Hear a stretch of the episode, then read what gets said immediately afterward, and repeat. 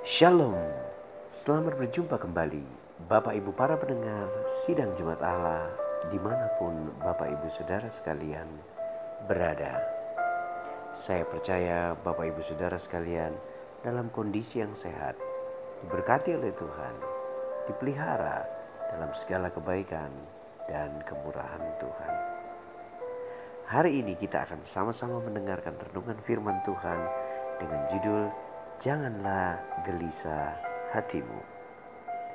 Teks kita terambil dalam Yohanes pasal 14 ayat 1 dan 2. Di situ dikatakan, "Janganlah gelisah hatimu.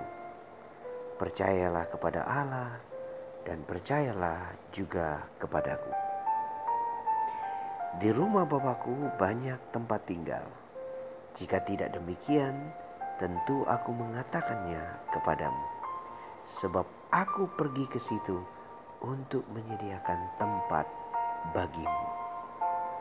Bapak Ibu para pendengar yang dikasihi oleh Tuhan Yesus Kristus, tahukah Bapak Ibu bahwa lawan dari gelisah adalah belajar untuk percaya. Kita tentu bertanya, bagaimana sih cara saya mengatasi kegelisahan yang saya alami, Pak. Saya gelisah tentang melihat hari esok. Saya gelisah karena persoalan yang satu belum selesai. Saya gelisah karena tekanannya begitu berat. Bagaimana supaya saya tidak gelisah? Alkitab memberikan kita dorongan lewat perkataan Tuhan Yesus sendiri yang adalah Tuhan dan Juru Selamat kita memberikan kita rumusan bagaimana cara mengalahkan kegelisahan. Yang pertama adalah janganlah gelisah hatimu. Jadi ketika kegelisahan datang, kita diharapkan untuk tidak terfokus kepada apa yang membuat kita gelisah jadi cepat memberikan pengalihan. Karena kalau kita fokus di situ terus, kita fokus pada masalah itu terus, kita akan terganggu pikiran kita, akan gelisah terus keadaan kita. Nah, supaya tidak gelisah, kita alihkan fokus kita dari gelisah menjadi terarah kepada Tuhan. Sebab Bapak Ibu Saudara yang dikasih Tuhan, kalau kita terus memikirkannya, terus merenungkannya, terus menggemakannya di hati dan pikiran kita, maka jangan pernah berharap bahwa masalah itu akan memberi ketenangan bagi kita. Tidak, Bapak Ibu Saudara yang dikasihi Tuhan. Sebaliknya, ketika kita fokus ke arah masalah itu, maka dia tidak akan memberi ketenangan bagi kita.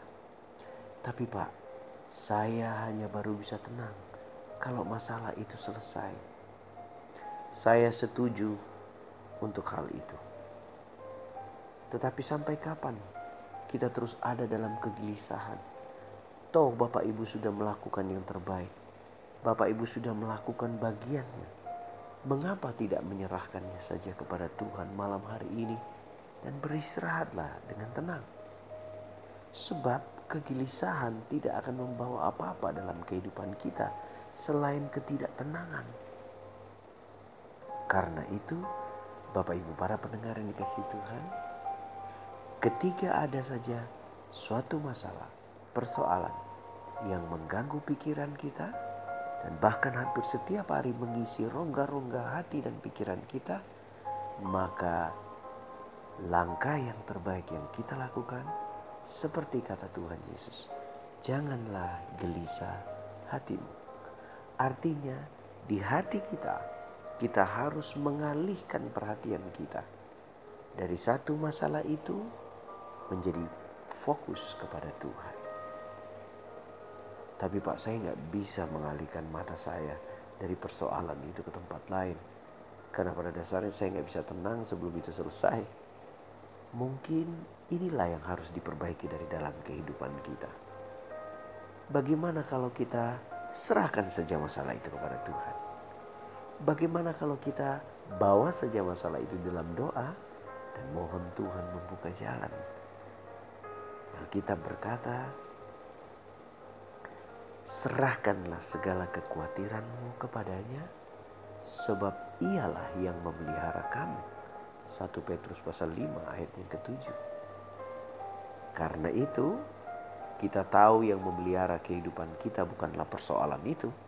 Yang memelihara kehidupan kita adalah Tuhan. Serahkan saja. Bawa saja kepada Tuhan. Nah bagaimana cara menyerahkannya? Alihkan pikiran kita. Jangan lagi terfokus kepada masalah itu. Besok pagi kalau memang harus itu harus ditangani, selesaikanlah sebaik mungkin. Kalau belum selesai, jangan sampai itu membuat kita gelisah serahkanlah kepada Tuhan. Sebenarnya hidup ini adalah rentetan penyerahan kita kepada Tuhan. Karena kita tidak akan pernah lepas dari persoalan, masalah, tekanan, dan pergumulan. Hampir setiap hari kita menemuinya. Jadi Bapak Ibu Saudara, kalau Bapak Ibu ingin menikmati hidup di dalam Kristus, serahkan pergumulan kita. Itu sebabnya Tuhan berkata, janganlah gelisah hatimu. Itu yang pertama. Yang kedua, bagaimana cara saya mengatasi kegelisahan? Alkitab mengajar kita, percayalah kepada Allah, Bapa yang memelihara hidup kita, dan percayalah juga kepada Tuhan Yesus. Dia yang menyertai kita selamanya.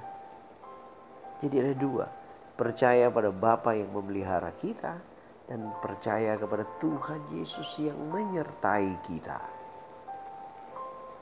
Nah, kalau percaya kita kita tujukan kepada Allah bahwa Allah memelihara kita, Bapa tidak pernah meninggalkan kita, Bapa selalu mencukupkan kita, Bapa selalu mengarahkan kita melewati jalan-jalan yang pada akhirnya menuju kepada kemenangan, maka kita tentu tidak khawatir lagi dan tidak gelisah lagi. Persoalan seberat apa pun, ujungnya membawa kebenangan bagi kita. Dan dalam pada itu, kita juga berpikir dan menaruh iman percaya kita pada Yesus yang berkata, Aku menyertaimu sampai kesudahan zaman. Itu berarti dia bersama dengan kita. Dia mengerti penderitaan kita. Dia paham dan dia peduli keadaan kita. Karena itu Bapak Ibu Saudara dikasih Tuhan, mari serahkan hidup kita kepada Tuhan hari ini. Percayalah kepada Allah dan percayalah juga kepadaku. Artinya, percayalah pada ada Bapa yang memelihara kita dan percayalah bahwa Kristus selalu menyertai kita. Nah, Bapak Ibu para pendengar, kiranya hari ini Bapak Ibu diberkati oleh Tuhan, dipelihara oleh Allah dijagai dalam segala kebaikan dan kemurahan Tuhan. Turunlah berkat sehat, kuat, dan panjang umur. Apa pun usaha, apa pun pekerjaan, apa pun yang disentuh oleh tangan kita, Tuhan membuatnya berhasil. Shalom.